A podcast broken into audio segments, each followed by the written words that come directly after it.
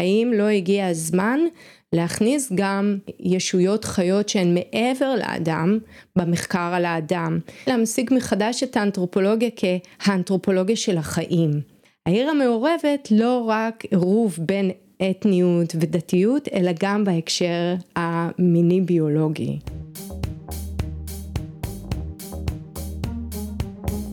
המצב הפוסט-אנושי, פודקאסט על טכנולוגיה, תרבות ורוח, עם דוקטור כרמל וייסמן.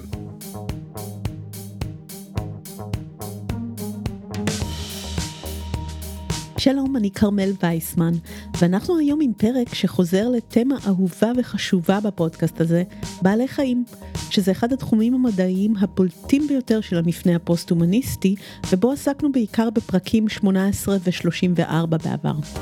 בפרק הזה נדבר על אנתרופולוגיה רב-מינית, ונתמקד במקרה של חיות לוויה.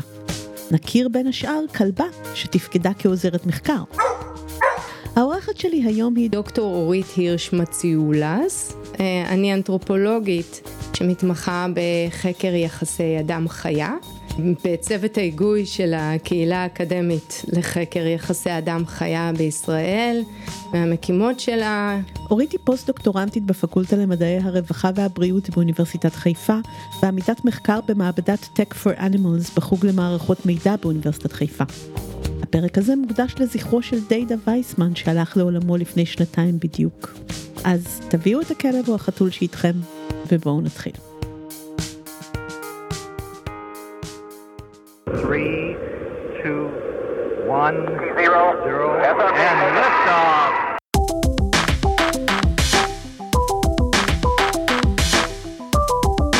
התחלתי תואר ראשון ותואר שני באנתרופולוגיה ובאיזשהו שלב בתואר השני החלטתי שאני מוכנה אה, להכניס חיה לחיי.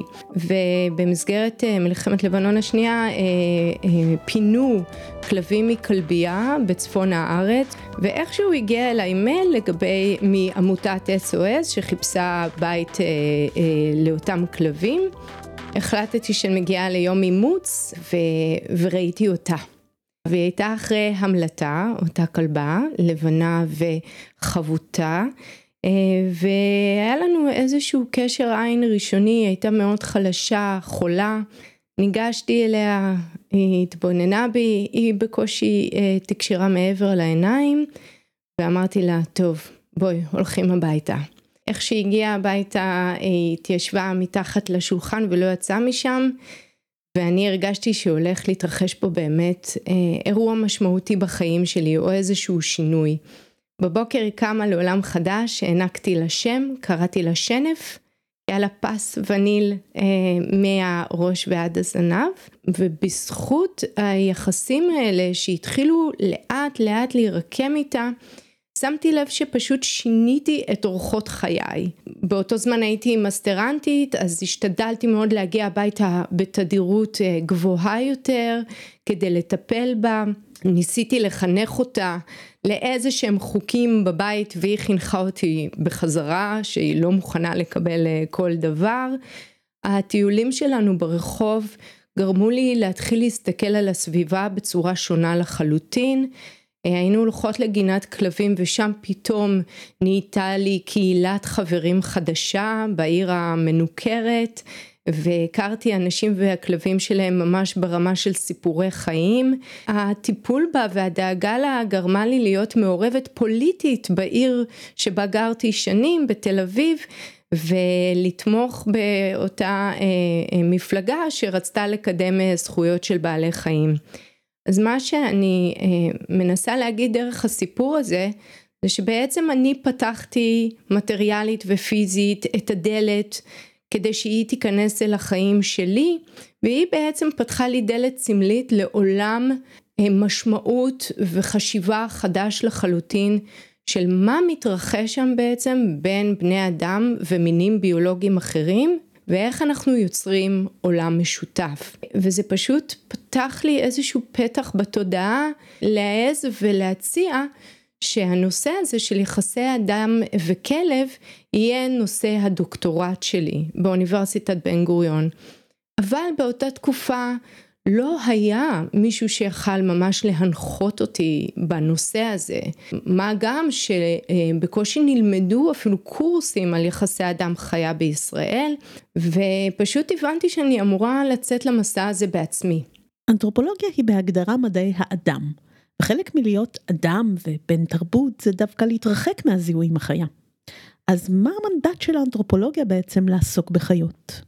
אז יש לנו פה את האנתרופוס, ואפילו המשמעות בשפה היוונית שאני שולטת בה מאוד מעניינת בהקשר של המילה הזאת.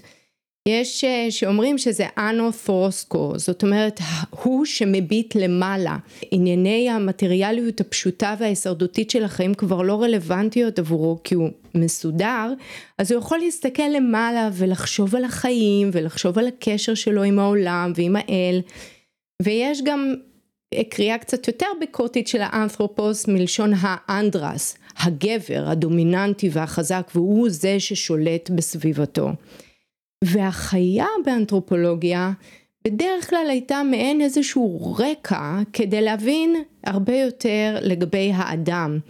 היא נתפסה כתפאורה, אה, כאיזשהו אובייקט, ויותר מזה, החיה תמיד הייתה נקודת ההשוואה לאדם.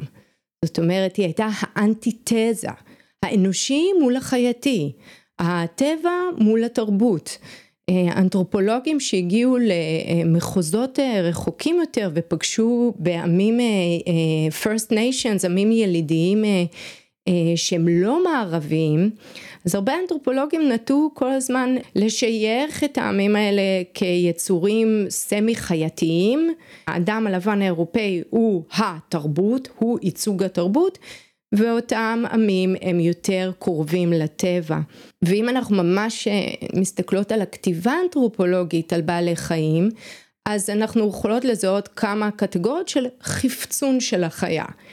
או שהיא הייתה טובה למאכל, אה, יש לנו את מרווין האריס שכתב על למה בהודו לא אוכלים אה, פרות לדוגמה, או למה יהודים לא אוכלים את החזיר, היה את הקונספט של חיה טובה למחשבה, זאת אומרת איך בני אדם משתמשים בך כמעין אה, קונספט כדי לחשוב על הסביבה ועל המיקום שלהם בסביבה ומאוחר יותר גם כתבו על חיה כסמל זאת אומרת איזושהי מראה שדרכה האדם מתבונן בעצמו ומספר לעצמו סיפור על עצמו כמו גירץ שכתב על קרב התרנגולים ואיך הם מסמלים את הגבריות אה, הבלינזית אבל אם אנחנו באמת מסתכלות בהכללה על כל הכתיבה הזאת אנחנו רואות שהחיה עוברת איזשהו חפצון, אין שם את החיה עצמה. אין שם ממש התייחסות למה שהיא עושה, לבחירות שלה, לתנועה שלה במרחב, והחשיבה האנתרופולוגית היא חשיבה אנתרופוצנטרית, זאת אומרת האדם במרכז, החיה שם נמצאת לשרת אותו, ובכל זאת אנחנו מתחילות לזהות איזשהו שינוי מרענן בתחילת שנות התשעים. אנתרופולוגיה חווה משבר. מתחילה חשיבה ביקורתית לגבי איך האנתרופולוגים התייחסו למושאי המחקר שלהם. אה, איך האנתרופולוגיה לקחה חלק בפרויקט הקולוניאלי אנחנו לא זבוב על הקיר, אנחנו לא מתארות את המציאות באופן אובייקטיבי ואנחנו בעצם מעניקות פרשנות מתוך uh, העולם התרבותי שלנו והקונספטים התרבותיים שמהם אנחנו מגיעות. איך זה קשור? זה יוצר את מה שנקרא המפנה uh, האונתולוגי. המפנה האונתולוגי uh, מלמדנו שיש uh, תרבויות שונות בעולם שיש להם יחסים אחרים עם בעלי החיים. אם זה החברה האנימיסטית או אה, חברות של ציידים לקטים והחשיבה הדיכוטומית הזאת בין האדם והחיה, בין הטבע והתרבות זה משהו מערבי. פרופסור אה, נורית ביר דוד ישבה בדרום הודו וחקרה את הניאקה, אני מאוד מקווה שאני הוגה את שמם אה, נכון, אה, חברה של ציידים לקטים ומה שהיא מראה שם בצורה כל כך עשירה ומעניינת זה שבעצם כל חיות היער והיער עצמו הם נתפסים כבעלי עצמיות, כמי שיש להם רגשות ובחירות ודרכי חשיבה שונות ותפיסות ובני הניאק המנהלים עם החיות, חיות היער, יחסים שאפשר להבין אותם כיחסים משפחתיים. אפשר גם לחזור ולהסתכל על החברה המערבית עצמה ולהבין שאותה חשיבה דיכוטומית כבר הולכת ומתפרקת והאם אפשר עדיין לדבר על יחסים שלנו עם כלבים וחתולים כטבע מול תרבות או שאנחנו רואים פה איזשהו אזור מפולש בבית שמתחיל לייצר איזושהי נזילות בין הקטגוריות. ואני רוצה לתת איזושהי דוגמה מהמחקר שלי. מחקר הדוקטורט uh, התבצע באי יווני שנקרא פארוס, חייתי שם uh, שנה וחצי ועשיתי עבודת שדה על uh, יחסים בין בני אדם וכלבים וקטגוריות של שייכות, זרות ואחרות. ומה שבלט מאוד בשדה הזה זה התנגשות הסיביליזציות מבחינת התפיסות לגבי כלבים. בעוד שהפריינים המקומיים התעקשו והבליטו את תהליך המודרניזציה שבמקום ועצם היותם מודרניים, הנשים האירופאיות שחיו באי כבר אפשר לשים לב לשיח הפוסט מודרני בתפיסה שלהן ואיך זה מתגלם ביחסים עם הכלבים. הייתי באין סוף ויכוחים שכל צד מאשים את השני בחוסר שפיות. עבור אותם גברים פריינים הכלב הוא כלי עבודה, הוא לא חיית מחמד, הוא אמור לעשות את מה שהוא נדרש לעשות, אם זה לצוד, אם זה לשמור על הבית, ועבור אותם נשים הכלב הוא בן משפחה. אז עבור אותם גברים מודרניים, אותן נשים נתפסות כלא שפויות, כמי שישנות עם כלבים. עבור אותן נשים, הגברים האלה הם לא מוסריים בזה שהם מתייחסים רק ליכולות של הכלב ולא לזכויות שלו, לרווחה שלו או ליכולת שלו להרגיש ולחשוב. אז אנחנו רואים פה את, ה, את ההתנגשויות בין תפיסה דיכוטומית, בין טבע ותרבות, לבין כבר תפיסה הרבה יותר היברידית.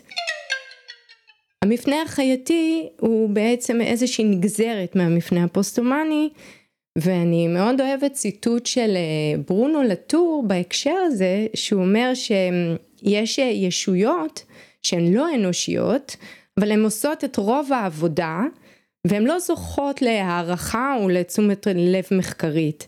הן נמצאות בשולי החברה ולא נתפסות כחלק ממנה. האם לא הגיע הזמן להכניס גם ישויות חיות שהן מעבר לאדם במחקר על האדם? ובהקשר הזה האנתרופולוג אדוארדו קון מבקש להמשיג מחדש את האנתרופולוגיה כהאנתרופולוגיה של החיים. זאת אנתרופולוגיה שלא מוגבלת רק לחקר האדם, אלא שהיא עוסקת בהסתרגויות, באנטגלמנטס אה, שיש לבני אדם עם מינים אה, חיים אחרים. השפעה הדדית של האדם על ישויות ביולוגיות חיות אחרות וההשפעה של בעלי חיים על החיים שלנו. וכאן אנחנו עוד לא עוצרות, אנחנו צריכים לבחון שאנחנו לא אה, עושים את אותו הדבר כמו תמיד, להתבונן בחיה כסמל. וכאן בעצם נכנס המפנה הפוסט סמלי. ואני רוצה דווקא להביא דוגמה קודם כל אה, מהמחקר שלי. נתקלתי במקרה מרתק של כלב אחד ספציפי ברחובות אתונה שנקרא קנלוס, קנלוס זה קינמון. קנלוס היה צועד בראש הקבוצה שמפגינה ברחובות, אה, ברחובות המרכזיים של אתונה, קבוצת האנרכיסטים. הוא היה צועד בסך מאחוריו היה ים של אנשים לבושים בשחור, ממול יש את כל המשטרה שגם לבושה בשחור, והוא היה פשוט צועד לפניהם והיה אה, חושף את שיניו ונובח על השוטרים והוא היה מאוד דומיננטי במאבק הזה. אני אומרת היה כי הוא כבר נפטר אה, ויש לו כבר דור המשך שעושה בדיוק את אותו דבר כמו שהוא עשה שזה לוקניקוס שזה נקניקייה ומאוד התלהבתי אה, לספר את הסיפור הזה לאחד המנחים שלי פרופסור חיים חזן מאוניברסיטת תל אביב ואז הוא אומר לי ומה את למדה מזה? ואז אני אומרת לו אבל חיים הכלב הוא סמל, הוא סמל המאבק, מייצג עבור אותם אנשים את אה, כל מה שהם אה, אה, עושים בעצמם ומה שהם רוצים לעשות. ואז חיים עוצר אותי ואומר לי רגע בואי תנסי שנייה להסתכל על זה אחרת. אל תקפצי אל המטאפורה שהיא מחוץ למציאות החברתית תתבונני בפעילות עצמה של הכלב תתבונני ביחסים שנרקמים איתו שם בשטח. לא הצלחתי להבין מה הוא אומר. לכי תקראי את לטור ותחזרי אליי. והגעתי הביתה, והנה שנף שוכבת לה על הספה שלי, למרות שאסור לה. אז אני באה אליה ואני אומרת לה שנף רדי מהספה, ואז היא בקושי עושה טובה ויורדת מהספה. ואחרי כמה דקות שאני רוצה כבר לאכול ארוחת ערב, שנף אה, זה שעת הטיול שלה, אז היא עומדת ליד הדלת ונובחת ומקשקשת בזנב, אז אני מטיילת איתה, וכשאני עולה חזרה במדרגות, זה היכה בי. הכלבה הזאת, היא לא רק הסמל עבורי של מה זה בית ומה זה אהבה, הכלבה הזאת יש לה את דרכי ההסתכלות שלה על העולם, יש לה את הדרכים שלה להעביר אליי מסרים, יש לנו אינטראקציות שלמות, יחסי גומלין של לא תמיד הרמוניה, יש גם הרבה חוסר הסכמה. ויש פה ישות קיימת, יש לנו עולם קיים, ולהתחיל אה, להסביר אותו דרך סמלים, זה פשוט לפספס את כל העושר של מה שמתרחש שם בפועל.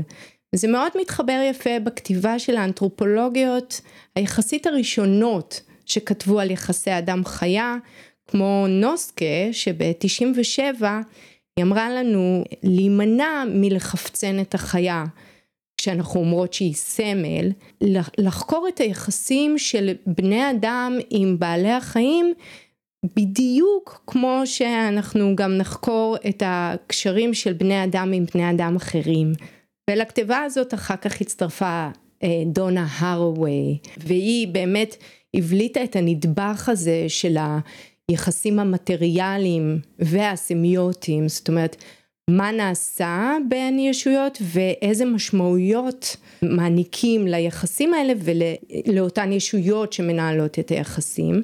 יש לה ספר נפלא על כלבים היא מתארת שם יחסים בין אישה והכלב או הכלבה שלה על איזה אבולוציה ממש משותפת, אבולוציה של עד כדי כך שיש כבר אה, מבעים פיזיים של היחסים האלה. לדוגמה, הכלב שבחיי הוא כלב מאוד משיר ותמיד כשאני לובשת שחור אין מה לעשות תמיד תהיה לי פרווה שלו על החולצה שלי. זאת אומרת הזהות שלי או אפילו ה-say האופנתי שלי כבר כולל פרווה.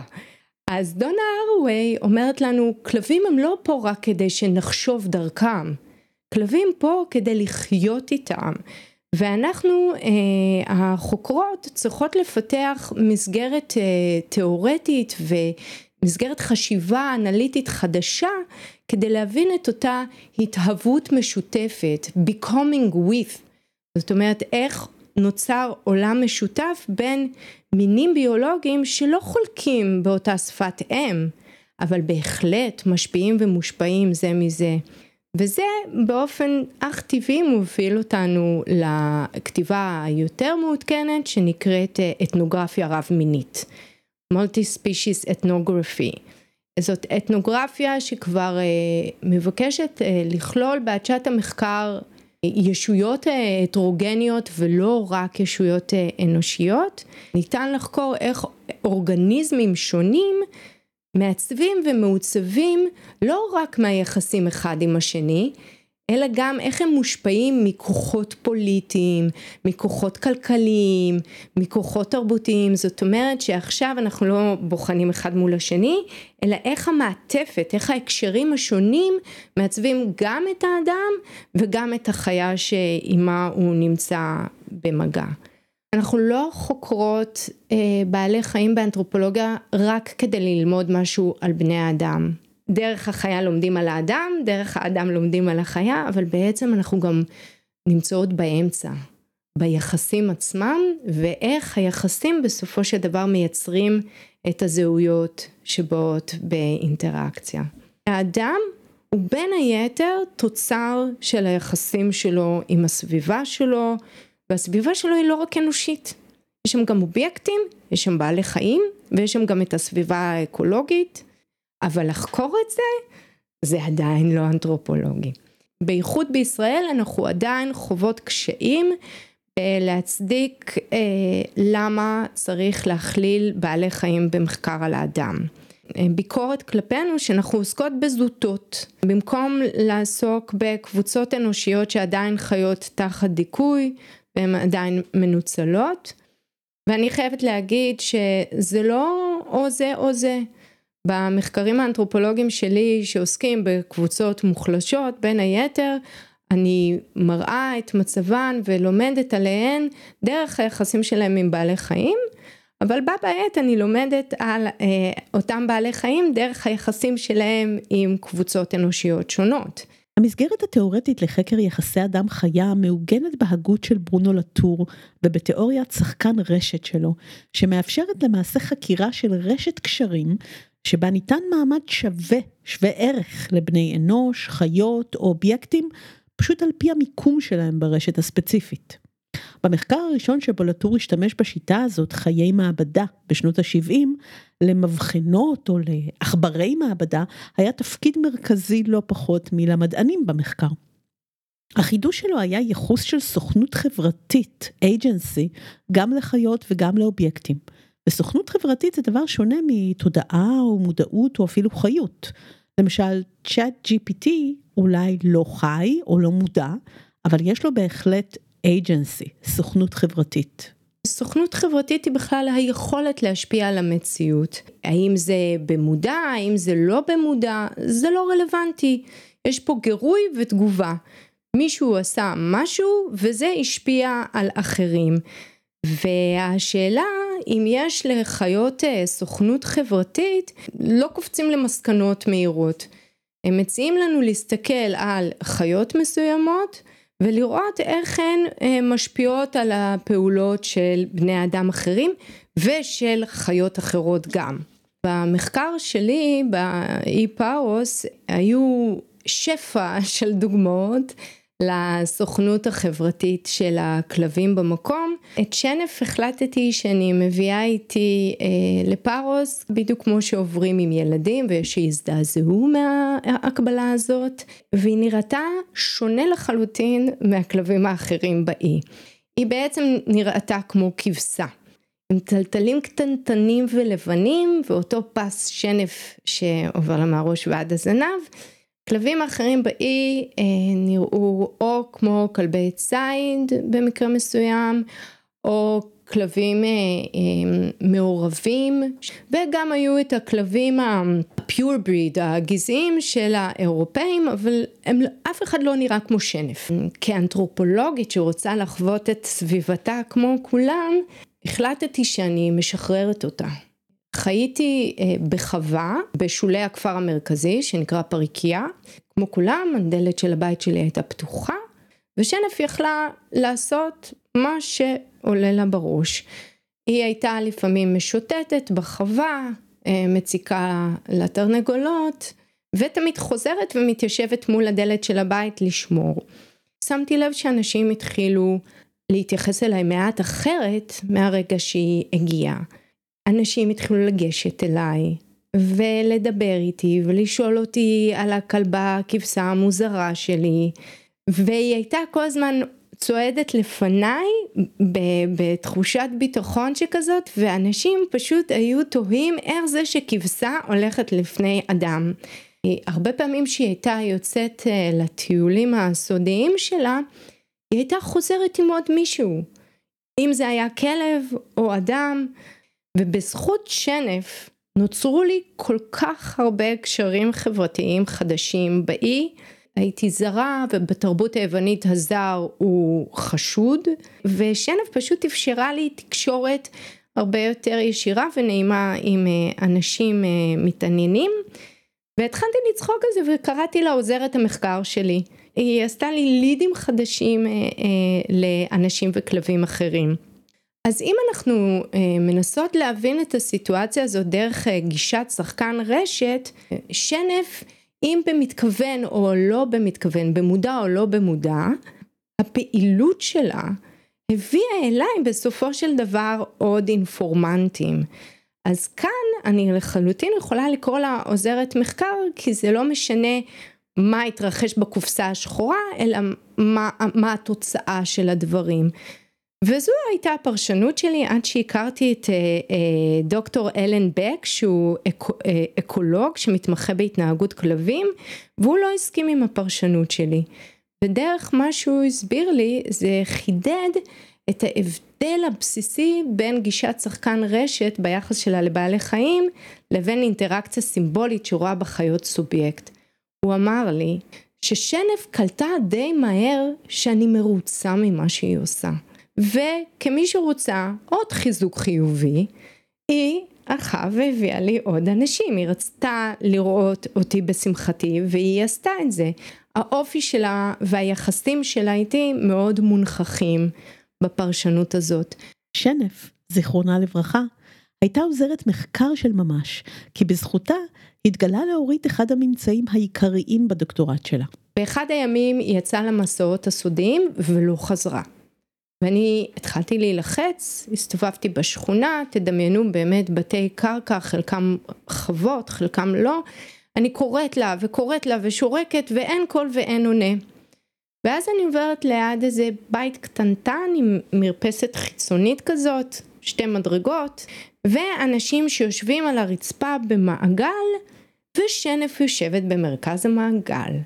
ובמרכז המעגל יש פיתה ענקית כזאת, שטוחה, וכל הגברים מתכוננים לאכילה ושנף מריירת להם על הפיתה. ואז אני כל כך הובכתי ואני באה ואני מתנצלת ואני אומרת סליחה סליחה. ואני רואה שאף אחד לא מבין שם אנגלית. הם מדברים פקיסטנית אני לא מצליחה להבין אותם. ואחד הגברים ש... הייתה תחושה שהוא יותר דומיננטי שם, ניגש אליי באיזושהי אנגלית שבורה והוא אמר לי הכל בסדר הכל בסדר בואי תשבי איתנו. ואז אני אומרת לשנב צאי מהמעגל בואי הנה בואי אליי. אבל היא לא מתייחסת אליי היא כל כולה ממוקדת פיתה. ואז הוא הולך לפיתה, הוא בוצע אותה, נותן קודם כל לשנף חתיכה, ואז לי חתיכה, ואז מחלק ליתר הגברים שם, ואז עברו שני פריינים ברחוב, ואני רואה שהם מסתודדים ככה עם פנים אה, חמורות סבר. ואז אותו בחור שואל אותי, את לא מפחדת לדבר איתנו? ואז הוא מסתכל על שנף ואומר לי, את יודעת שבפארוס מספרים עלינו שאנחנו אוכלים כלבים. אני מעדיף לאכול עם כלבים ולא לאכול כלבים. זאת הייתה אמירה שהשאירה אותי עם פה פעור ובעקבותיה אה, התוודעתי לראשונה לסיפורי אכילת כלבים בפארוס, זה הפך להיות אה, אחד מהנושאים שעסקתי בהם בדוקטורט. אה, כמובן שבעזרת הקשרים שלי וידאתי שכל הסיפורים האלה מנותקים לחלוטין מהמציאות. אבל מה שעניין אותי בזמן המשבר הכלכלי ביוון, איזה פאניקה חברתית ומוסרית מתגלמת דרך סיפורי אכילת הכלבים, אבל לא עצרתי שם, לא עצרתי בסמל. ובחנתי איך הסיפורים האלה תורמים לאיזושהי התפתחות פוליטית רדיקלית ואסלאמופובית באי, ולעלייה של השחר המוזב, חיסי אבגי, המפלגה הימנית הממש ניאו-נאצית ופתיחת סניף באי וההתעצמות הפוליטית הזאת נשענה על שלוש רגליים. הם אה, גונבים מאיתנו, הם אונסים את הנשים שלנו והם אוכלים את הכלבים שלנו. שלושה גבולות, גם פיזיים, מטריאליים, אבל גם סמליים, בדרך אל לב הקהילה שזה הגבר היווני המקומי. הדרך שבה הגעתי אל זה תוך כדי לראות את האינטראקציה בין אותו פליט לבין שנף, נתנה לי כניסה אחרת לחלוטין לשדה. מה שאני בחנתי זה את הסוכנות החברתית של כלבים בתקופה של אה, מתחים פוליטיים באי. בשיא המשבר הכלכלי, ומה שעלה מהממצאים זה אה, הפיתוח שלי של מושג ה-animal scape.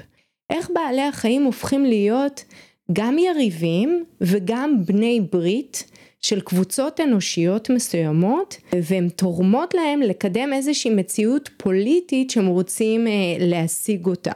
אם משתמשים ביחסים עם הכלבים נגד קבוצות מסוימות, הכלבים עצמם גם להם יש בחירות.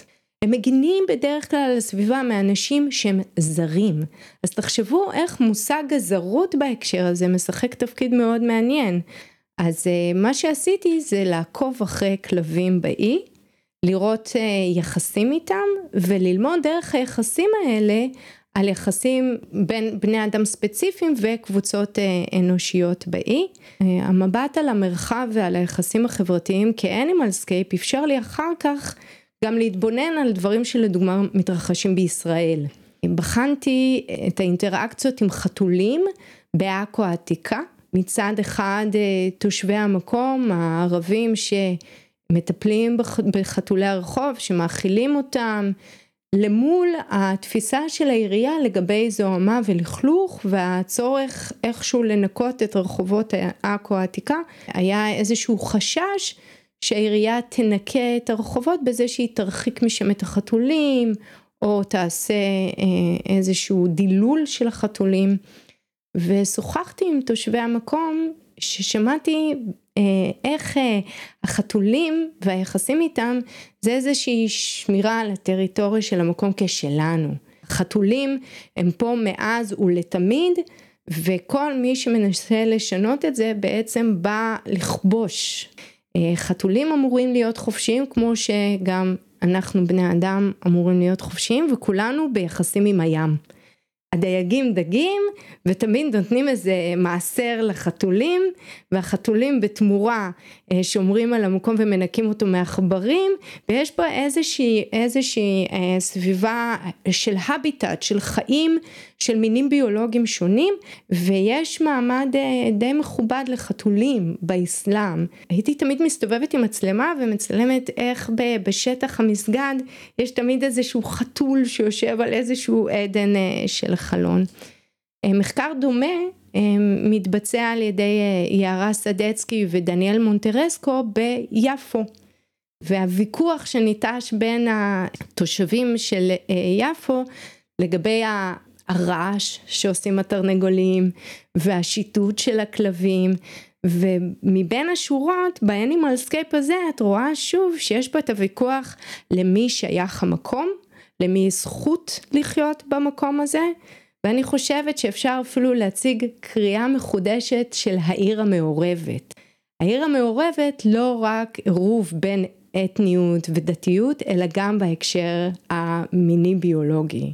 אז uh, באמת נתתי פה הרבה דוגמאות לסוכנות החברתית, לפחות uh, בהקשר הפוליטי של uh, החיה. גם בגל הראשון של משבר הקורונה, אורית זיהתה הזדמנות למחקר אנתרופולוגי רב מיני. בתקופות של סגרים היו היתרי שוטטות בתנאים מוגדרים, לדוגמה אם יש לך כלב ואתה צריך להוציא אותו לטיול. וגם ההסתגרות בתוך הבית הזכירה לנו לחלקנו לפחות כמה שהבית ריק אז uh, היו כאלה שהלכו וקנו ריהוט והמרפסת נהייתה ירוקה ויש כאלה שרוקנו את הכלביות.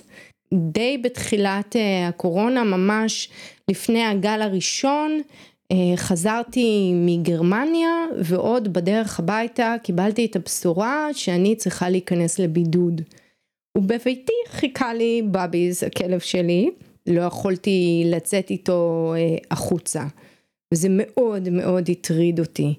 ובעצם מה שאנחנו מגלות כאן ושגם הפך אחר כך להיות למחקר משותף עם אה, יערה סדצקי זה אותו מלכוד 22 שנכנסו אליו מבודדי הבית. מצד אחד אנחנו מחויבים לחלוטין לרווחתו של הכלב הוא צריך לצאת עכשיו החוצה, זה גורם לנו למפח נפש אה, גדול, תראו איזה הפעלה רגשית זה יוצר באדם הקשר שלו עם, אה, עם הכלב, ומצד שני אנחנו מחויבים גם לבני אדם. אמרו לי לא לצאת, אני לא יוצאת, אני סכנה לבני אדם, אבל מה אני אעשה עם הכלב שלי? והמלכוד הזה באמת גרם לאנשים לצאת מכליהם. אנחנו בחנו את השאלות האלה ממש בגל הראשון. אנחנו החלטנו לראיין מבודדי בית והכלבים שלהם אה, כדי אה, להבין את החוויה של השהות של 24 שעות ביממה ואז זה היה עד לשבועיים. מה קורה שם במתחם הבית, אה, המקלט והכלא בו זמנית וביחסים בין הכלב והאדם. מה שגילינו זה שרבים מהם חטאו ויצאו עם הכלב. הם כן עשו את כל מה שניתן כדי אה, למנוע פגיעה בבני אדם, לקום בארבע לפנות בוקר, לצאת עם שתי מסכות, עם כפפות, אה, להתרחק מכל ישות אנושית, לעשות הכל מהר ולחזור הביתה. אנשים הצטרפו לקבוצות פייסבוק יהודיות שקמו, שבאו להציל את הכלבים, לא את בעלי הכלבים, את הכלבים עצמם, ואנשים מתנדבים, זרים, היו מגיעים אה, לצאת עם הכלב, אחת הקבוצות אה, נקראה בידודוג, וזה גם מאוד מעניין אה, לראות אה, איך הם דיברו עליהם, כי מצד אחד הם, זאת באמת הצלה גדולה, מצד שני, אנשים קצת, חלקם לפחות הביעו איזשהו הם, חשש שיש פה עכשיו צלע שלישית ביחסים. דבר נוסף שעלה בראיונות, זה שפתאום נוצרה פה הגדרת מצב חדשה.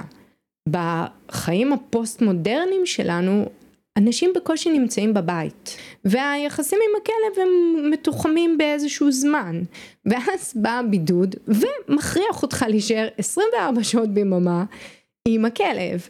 בהתחלה זה מאוד נחמד ואז מתחילים לראות כל מיני דברים מעניינים. אה, היו כלבים שזה לא, זה, זה עורר בהם איזשהו סטרס שיש כל הזמן בני אדם בין הרגליים שלהם. אז הם היו יותר מתבודדים, או בכיוון ההפוך לחלוטין, היפר אקטיביים זאת אומרת, כל הזמן מביאים כדור, כל הזמן רוצים לשחק, כל הזמן רוצים תשומת לב. וככל שהקורונה הלכה קצת והתרחקה מאיתנו, הכלביות התחילו להתמלא מחדש. ומה שאנחנו רואות כאן זה את ההפכפכיות של הסובייקט הכלבי. ודפנה שיר ורטיש, אנתרופולוגית ישראלית, כותבת את זה כל כך יפה בהקשר של בני משפחה. זוגות צעירים שהחליטו לאמץ כלב, ואז בא הילד הראשון. וחלק מהזוגות, אה, הכלב שהיה כמו ילד, יורד בהיררכיה החברתית, וזה מתגלם ביחס אליו, או יותר נכון בחוסר היחס אליו, ועד לכדי המצב הכי קיצוני של למסור את הכלב ומה שהיא אומרת זה שבעצם הסובייקטיביות של הכלב היא לא משתנה יציב בתפיסה האנושית, היא משתנה למול התקופה, היחסים, התרבות וכאן כשאנחנו מחזירים את הכלב אל הכלבייה אנחנו הופכים אותו שוב מסובייקט לאובייקט. בשנה שעברה, כשפרצה המלחמה באוקראינה, הזדמן לאורית להיחשף לתפיסה תרבותית אחרת לגבי מקומן של חיות הלוויה בעת משבר. כנראה שבתרבות האוקראינית, היחס לחיית הלוויה כבן משפחה, היא בולטת באופן משמעותי. ראינו מצבים אה, שונים של אנשים שנעקרים אה, מביתם, מרכושם, ולוקחים כמעט כלום איתם, אבל עם החיה. הייתי בפולין ופגשתי אה, פליטים עם אה, חיות המחמד שלהם בתחנות המעבר, וזה מדהים לראות אדם עם שקית וכלב מטופח. כי, כי בשקית יש אוכל לכלב וקצת אוכל לאדם. אבל זה מדהים לראות איך הם לא שחררו אותם. אומרת, זאת הייתה אחיזה כזאת, כמו שילד קטן אוחז בדובי כשהוא במצב טראומטי, והיה שם אוהל ענק של אה, תחנת מזון, זאת אומרת אה, מטבח קהילתי. אז היה להם ברור מאליו שהם נכנסים למקום הזה עם הכלבים שלהם ושהכלבים שלהם יושבים לידם על הספסלים וזה ספסלים ארוכים וכולם יושבים ואוכלים ואף אחד לא מתלונן על הנוכחות של הכלב והם אוכלים ביס אחד ונותנים ביס אחר לכלב ולכלב יש פרווה צבועה. היה איזה כלב עם איזה מויקן כזה ורוד אני לא אשכח את הכלב הזה. ו, וזה פשוט תפיסה תרבותית אחרת כי אני זוכרת שלפני כמה שנים טובות שהייתה את השריפה בכרמל אה, אני התנדבתי לבוא ולחלץ כלבים מחצרות שאושרו, כן, הכלבים פשוט הושארו לחסדי השריפה. אבל אה, אותם פליטים אה, היה להם ברור שהם לא מותירים את החיות מאחור, פליטים שהם יהודים הגיעו לישראל, מי שהצליח להיכנס עם חיות המחמד שלו הוא עבר למושב גורן, כי שם יש מעין קומפלקס כזה שהסכים לשהות משותפת עם הכלבים ואז התחלתי להתנדב שם ובשיחות איתם עוד דבר שלמדתי השהות המשותפת עם הכלב החתול הארנבת היא פשוט איזושהי המשכיות בתחושה של הבית רחוק מהבית. זאת אומרת הביתיות שלנו היא לא נפסקת ברגע שגדעו אה, את השייכות למקום הפיזי. היא ממשיכה ו, וממשיכה להתקיים, ממשיכה לחיות בצורה של יחסים חברתיים ומשפחתיים גם במקום אחר. וגם היה סיפור של חתול מאוד אה, פופולרי שעקבו אחריו אה, ברשתות החברתיות. מדובר בסטפן, אחד החתולים הפופולריים ביותר באינטרנט כולו, כוכב קמפיינים שיש עליו ערך בוויקיפדיה האנגלית ואפילו בריטני ספירס כתבה עליו. הוא מצליח בעיקר בזכות ההבעה הנונשלנטית המיוחדת שיש לו בכל מצב. יש לו למעלה ממיליון עוקבים באינסטגרם, ובזכותו אנשים מרחבי העולם שלא ממש מעורים בפוליטיקה, החלו להתעניין ברצינות במלחמה באוקראינה, ודאגו מאוד לשלומו של החתול שאולץ לעזוב לפתע את ביתו. אמו אנה החלה לשתף את הפגזת העיר שלה ואת המנוסה שלהם באינסטגרם הפופולרי של סטפן. הם עברו למונקו בצרפת ורק לאחרונה הם גם תיעדו את החזרה שלהם הביתה. יש פה איזשהו היפוך לכאורה, זאת אומרת שאנחנו מגיעים לאמפתיה לבני אדם דרך אמפתיה לבעלי חיים, זאת אומרת שמה שאנחנו רואים פה, ההיפוך, הוא בעצם ההיררכיה. החיות הן נחשבות קודם, הן אה, אמצעי איכשהו לעורר רגש כלפי בני אדם וזה מרתק. החתול הזה הוא סמל בעצם, לפי ההגדרות הקודמות שלך, נכון? זה אפילו לא החתול האמיתי. אני חושבת שהוא, שהוא גם וגם. הם עקבו אחרי החתול הזה כי הוא הפך להיות סלב, זאת אומרת יש לו כבר שם, יש לו כבר זהות מסוימת, הוא סובייקט מסוים, זה לא כל חתול, זה החתול הזה, ואז החתול הזה נעלם. וזה מעורר באמת, זה מעורר דאגה, זה מעורר אה, רצון לדעת מה, מה קרה לו. אני חושבת שגם מה שזה עורר באנשים זה תחושת אחריות על ישות חסרת אונים. החתול הזה לא אשם בשטויות שבני אדם עושים בעולם הזה, הוא משלם את המחיר. מה שהתחלת באמת אה, לגעת בו כאן זה איפה האדם נכנס אל תוך התמונה.